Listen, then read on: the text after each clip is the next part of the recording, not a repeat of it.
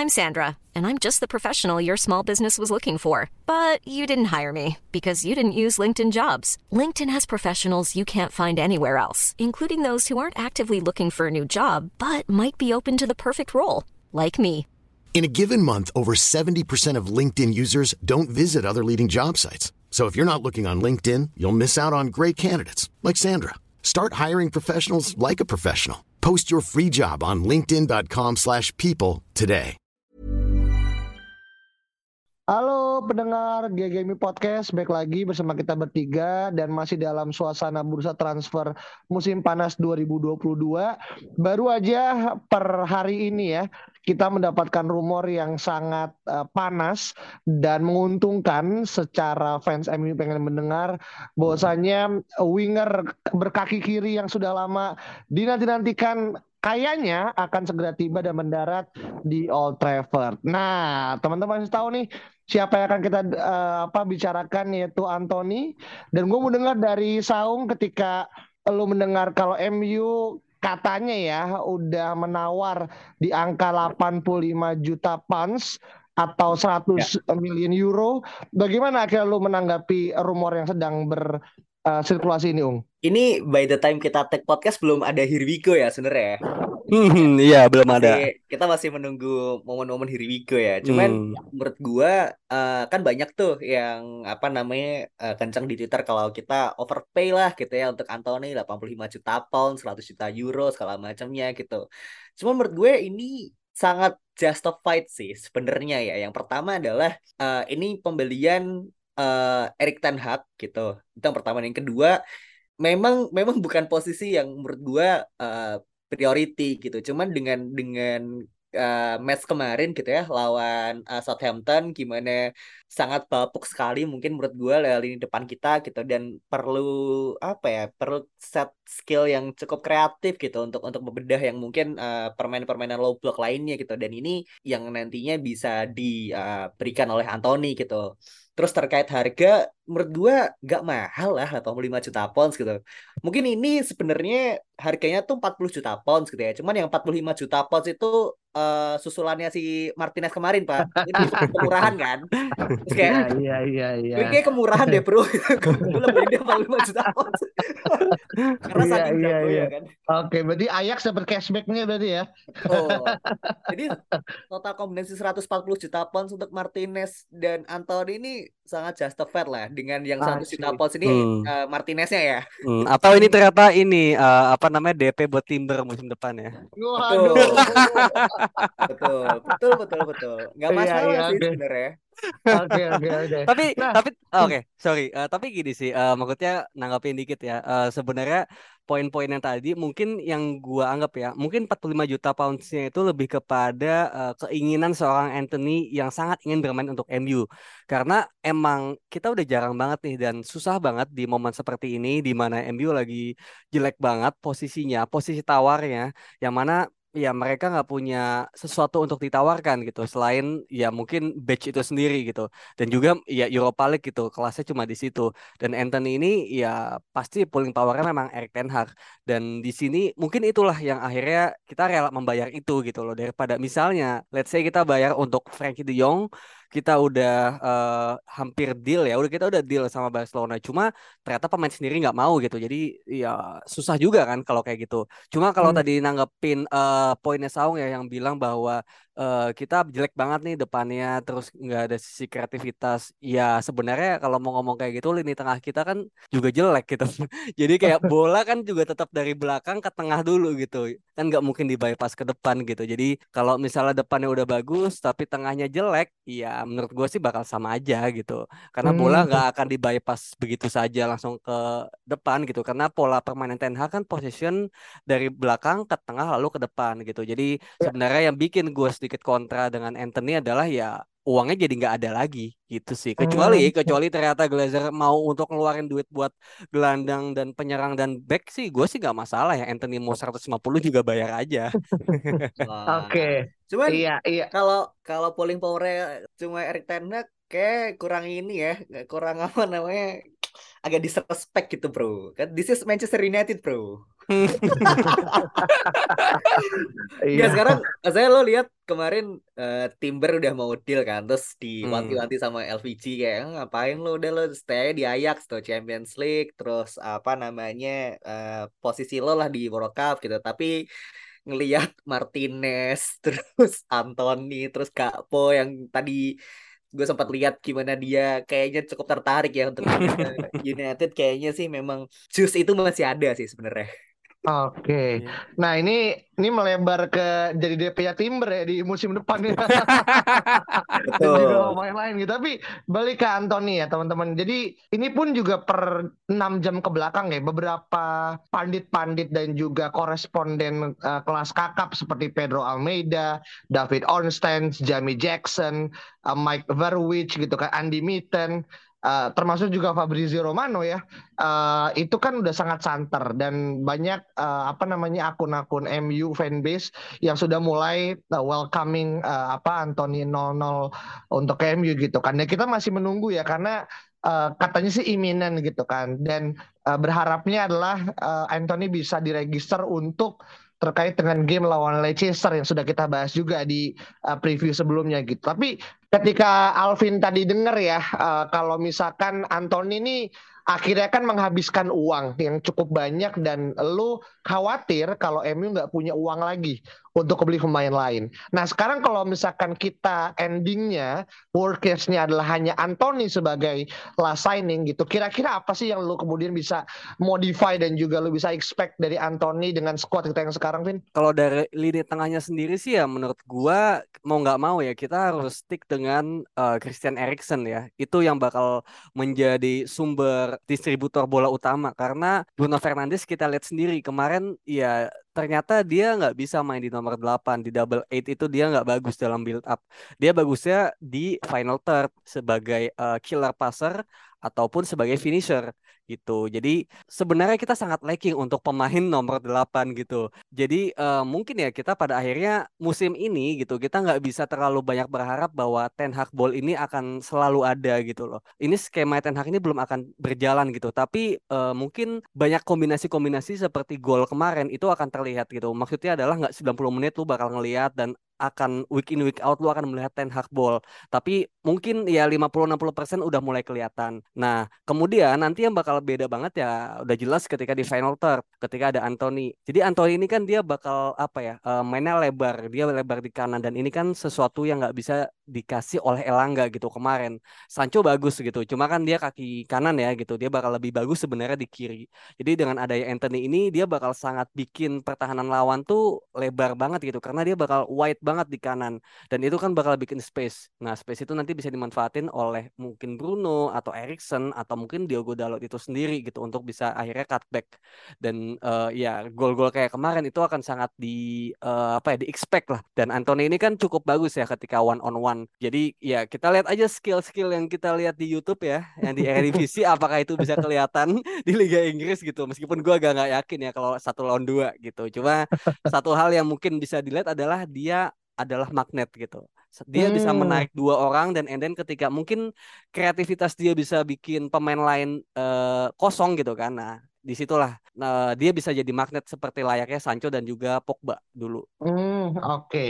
Nah, berarti kan lo ngeliat bahwasannya Anthony memberikan medan magnet tersendiri ya untuk lini depan MU gitu kan. Dan kita setuju kalau uh, apa ya, Anthony itu kan bisa atau kemudian mampu untuk bermain di ruang yang sempit gitu kan. Yang mana tadi akhirnya kita tidak punya di wing saat ini. At least kalaupun akhirnya Sancho atau di kanan uh, space-nya terbatas gitu. Nah, banyak yang bilang kalau Anthony ini adalah um, penerusnya Neymar gitu. Dengan skill dan juga mungkin uh, kewarganegaraan dan juga mungkin dengan tricks yang emang dia punya. Lu setuju nggak akhirnya Anthony ini punya apa ya mungkin sailing yang sama tingginya dengan Neymar atau lu ngeliat ini dua pemain yang berbeda Um? Dengan harga hampir satu juta pound sih ini harusnya the next Neymar ya.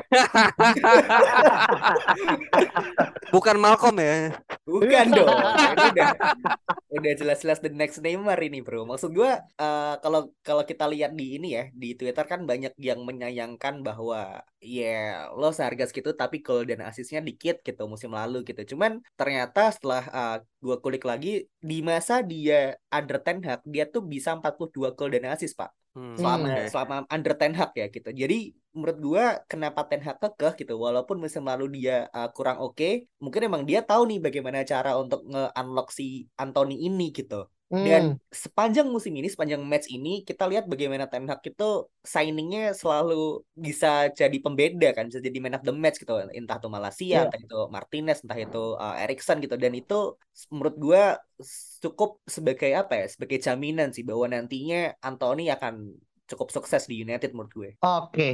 berarti ini dengan price tag dan juga mungkin apa ya um, legacy ya yang sudah diterapkan sama Anthony dan juga Ten Hag ini bisa jadi salah satu yeah, uh, poin dikoi ya yang akhirnya ngebuat kalau deal Anthony ini nggak ada apa-apanya dibandingkan mungkin Chelsea ngebayar Anthony Gordon gitu. Makanya, maka itu di market di mana Anthony Gordon seharga 60 juta pounds ini udah fucking still banget men. Ngerti gak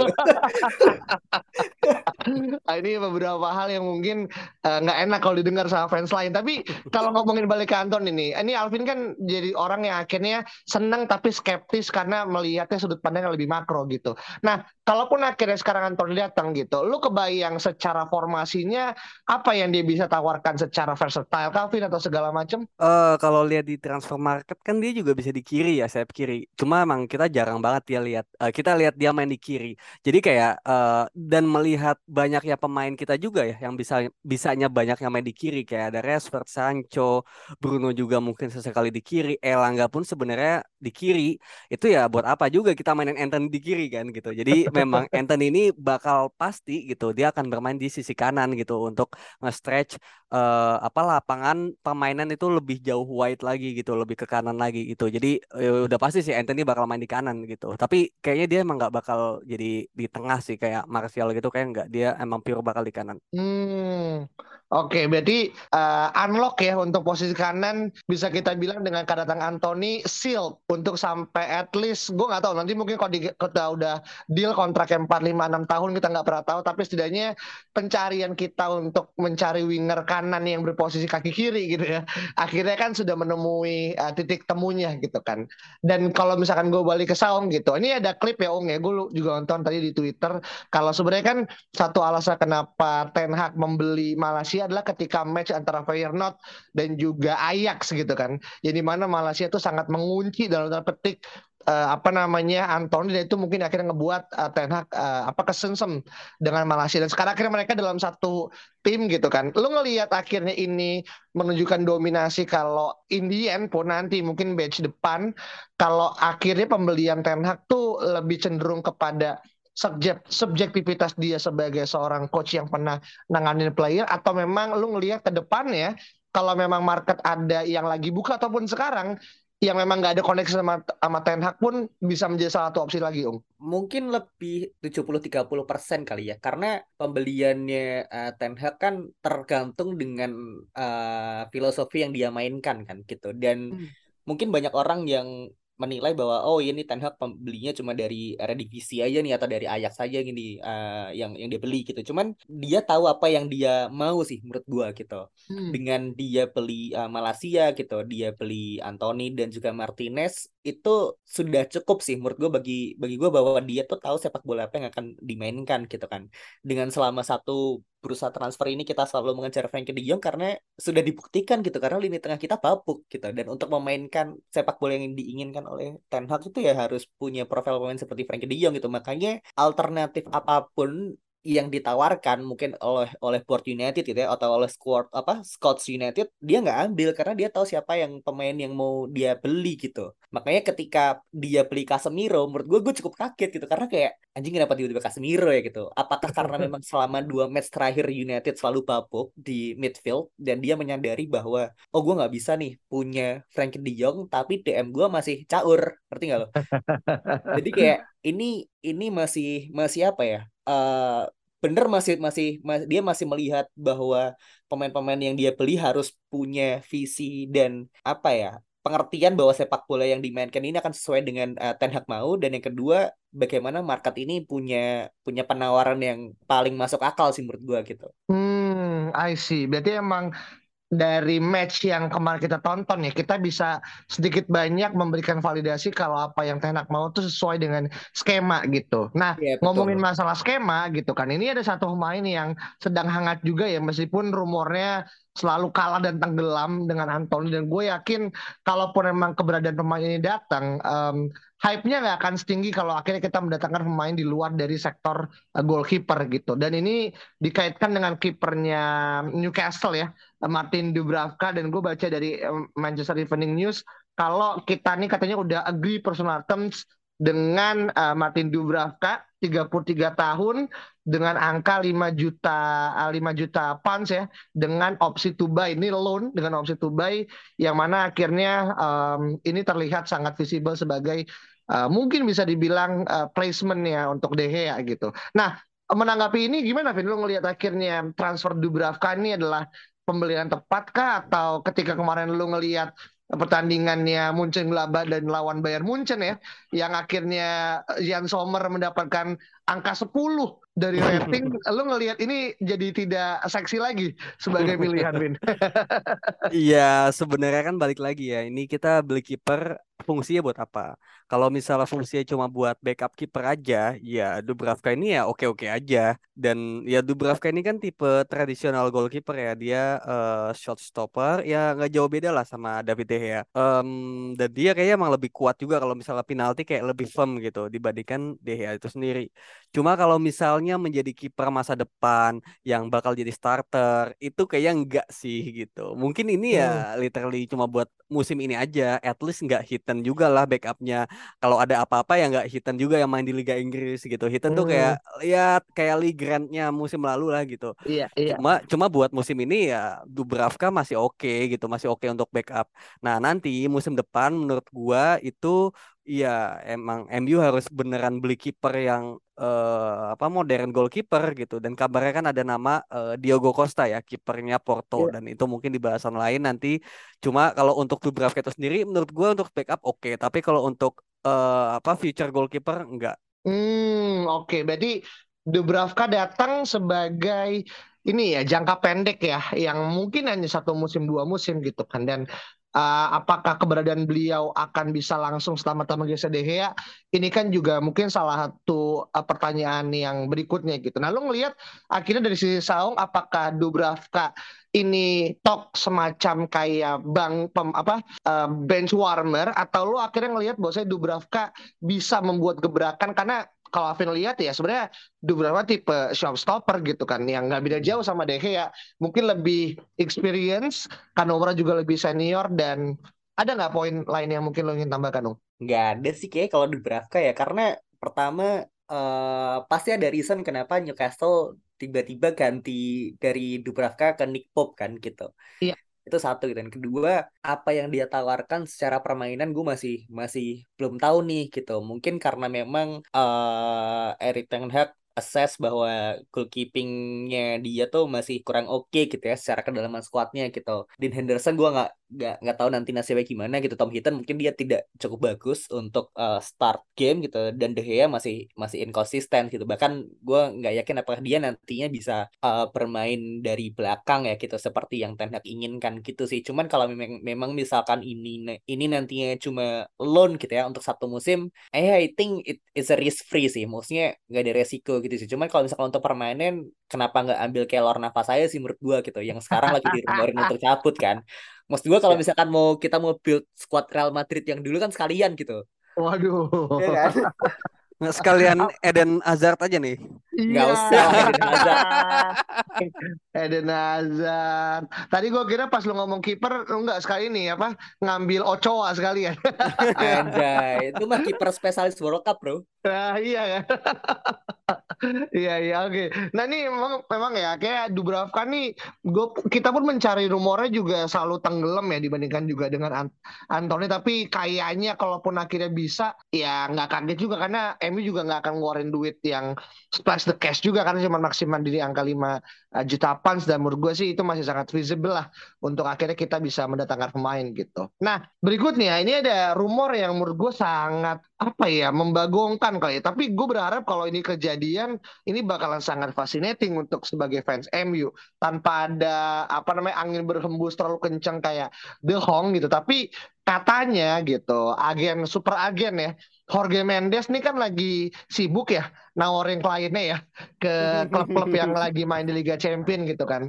Dan salah satunya adalah FC Napoli gitu. Dan ada rumor kalau nantinya ada semacam kayak trade-in uh, dalam suatu negosiasi di mana Ronaldo akan pindah ke Napoli gitu kan ke Maradona Stadium gitu kan dan sebaliknya Victor Osimhen yang akan kemudian datang ke Old Trafford. Meskipun ini masih abu-abu ya, ini masih sangat-sangat uh, tipis banget rumor. Tapi mendengar Osimhen datang ke MU, apa yang lo bisa lihat Vin dari uh, saga ini, Vin? Iya, ini emang makin aneh aja sih nama-nama pemainnya gitu.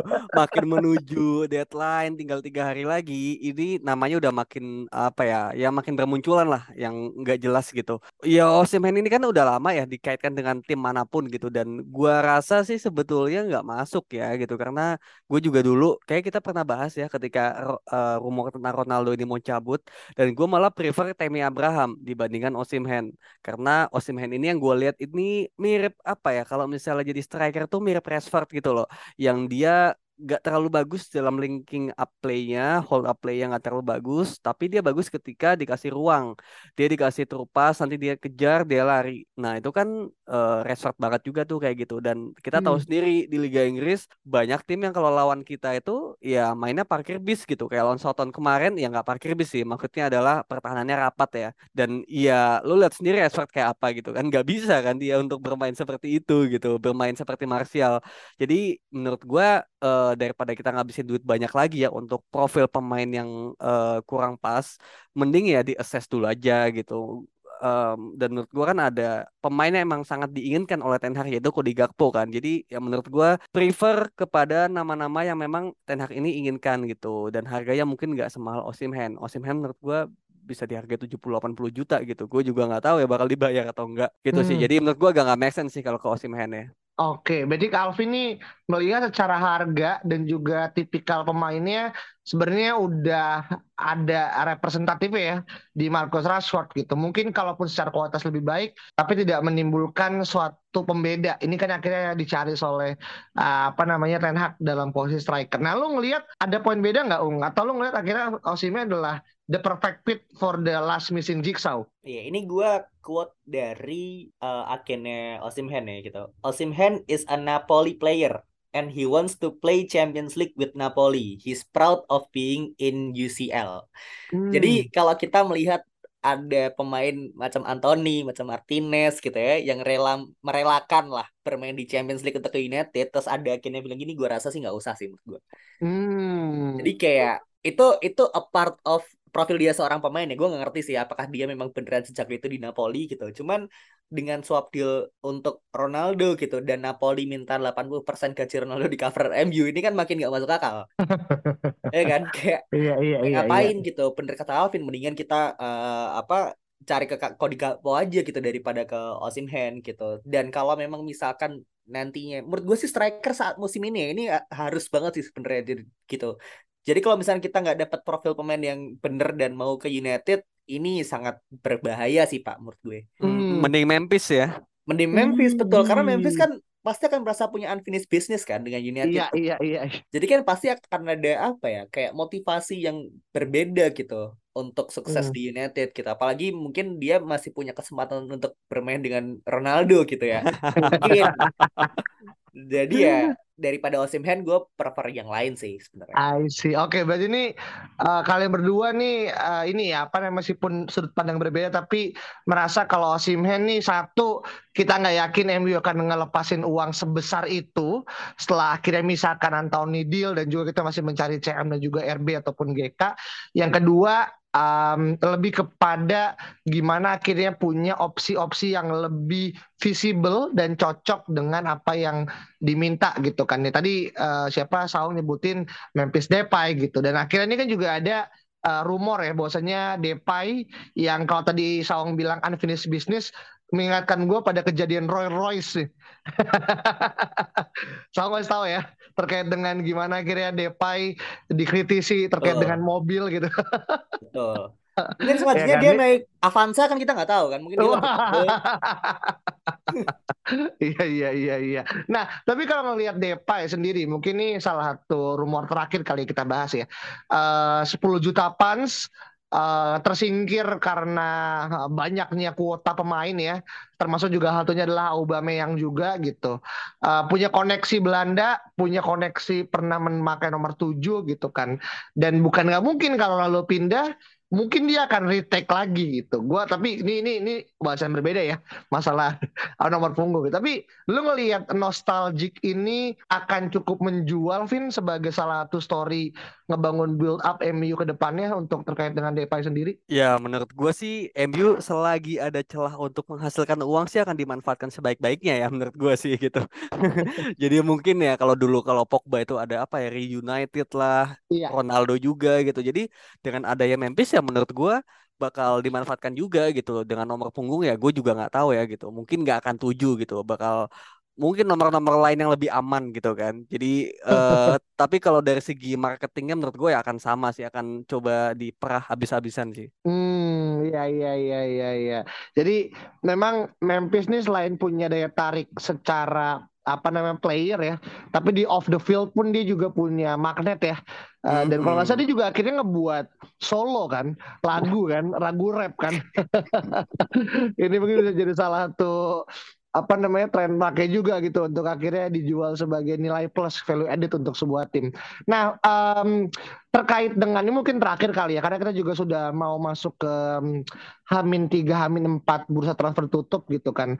Uh, dengan catatan uh, Anthony deal just a matter of time, lu melihat apakah MU masih memiliki semangat, hasrat dan juga uang untuk mendatangkan pemain lain selain dari mungkin goalkeeper kita put aside ya karena menurut gue kalau perlu kita keluar mungkin nggak akan terlalu banyak tapi dari angka 0 sampai 10 dari Saung sendiri seberapa yakin akhirnya MU masih mau untuk bergelia di bursa transfer Ung? Gue ada keyakinan 80% kita beat Cody Gakpo sih di deadline day menurut gue. Oke. Okay. Betul, karena uh, striker ini kondisinya cukup mengkhawatirkan ya gitu. Ronaldo mau cabut, entah entah jadi atau enggak dan Martial cedera gitu. Which is kita cuma punya Rashford doang di depan gitu. Jadi kalau misalnya kita tidak ada backup atau tidak ada uh, pemain yang bisa menggantikan posisi ini ya akan akan sangat sulit kita kejar 21 sih. Hmm oke. Okay. Berarti kalau Sau menganggap Gakpo dan ini gue bacain ya dari Center Devils yang mengatakan kalau there are also other option, but United are a serious option. I can hear it all. I try to shut myself off on it, but it is difficult. Dan ini disampaikan oleh Gakpo ya, yang mengatakan juga selamat kepada Anthony yang sudah ber, yang katanya ya sudah berlabuh ke United gitu. Nah, lu punya semangat yang sama pin dengan apa yang tadi saya sampaikan atau punya pendapat berbeda? uh, ya mengingat Glazer lah ya, kita tahu sendiri. Gue nggak cukup yakin setelah 100 juta, and then bakal keluar lagi 50 juta lagi gitu. Tapi kalau untuk keluar keluar duit uh, keluar uang untuk striker masih mungkin, tapi menurut gue mungkin bakal ke Memphis, mungkin ya. Tapi kalau misalnya ke Gakpo yang 50 juta, gue masih agak 50-50 tapi lebih ke enggak sih kayaknya. Literally tiga hari lagi main gitu loh. Gue kayak ya kali gitu. Lu deadline day tiba-tiba lu selesaiin Gakpo gitu. Jadi ini aja Anthony aja mungkin beberapa hari gitu kan, dua hari, tiga hari gitu. Tapi tiba-tiba Gakpo tuh agak apa ya miracle banget lah tiba-tiba lo beli Gakpo atau beli CM gitu. Kayaknya nggak mungkin sih. Iya kan kita sambil nunggu Chelsea ngebit Harry Maguire kan? Masih. Oke oke. Jadi Alvin ngerasa uh, kita harus mawas diri ya dengan siapa yang akhirnya menjadi owner kita dan itu sepertinya Betul too good to be true untuk terjadi hmm. meskipun hmm. gue yakin semua dari kita masih berharap kalau keberadaan CM dan juga CF setidaknya itu yang akan ngebuat uh, harapan untuk at least bisa mendapatkan dua piala ciki uh, inilah ya masih reachable gitu kan.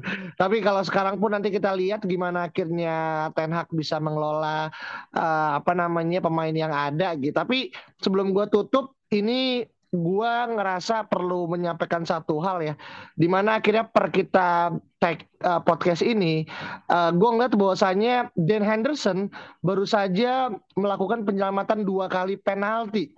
uh, gue baru ngomong-ngomong itu tadi. Oh gitu ya. dulu dulu nggak apa-apa. Gimana gimana Vin? Gimana Vin? Monggo ya. silakan Vin. Dua kali penalti, satu enggak. Match sa enggak satu tuh yang kemarin yang dulu oh, uh, okay. yang lawan apa gitu. Nah, ini okay. penaltinya Harry Kane ditepis lagi sama si wow. Dean Henderson. Tadi gue juga mau nyampein itu, cuma ternyata dia sudah ngomong. Jadi nggak apa-apa ya, lanjut aja. iya iya iya. Ini ini kan kan apa? Player to watch ya kalau bahasanya gitu kan. Kita melihat perkembangan dari pemain-pemain. Karena yang setelah ini gue nggak dapat banyak info ya. Ahmad Diallo dan beberapa pemain lain, Tai Chong mungkin gitu. Tidak ada kabar yang cukup fascinating jadi bisa kita uh, skip dulu gitu. Tapi thank you so much teman-teman udah dengerin. Sekali lagi kalau teman-teman punya opini dan juga ideas yang berbeda dengan kita bertiga terkait dengan uh, Anthony, terkait dengan Gakpo, Memphis, even hal-hal yang tidak kita sebutkan ya semacam kayak Aubameyang gitu kan, Ho Pedro bahkan gitu kan. Silakan teman-teman komen di Twitter kita @ggmi_podcast dan jangan lupa tetap dengerin kita di Spotify dan sampai ketemu pada episode berikutnya dan tetap mendukung MU sampai kita mendapatkan gelar ke-21. Thank you so much dan bye-bye.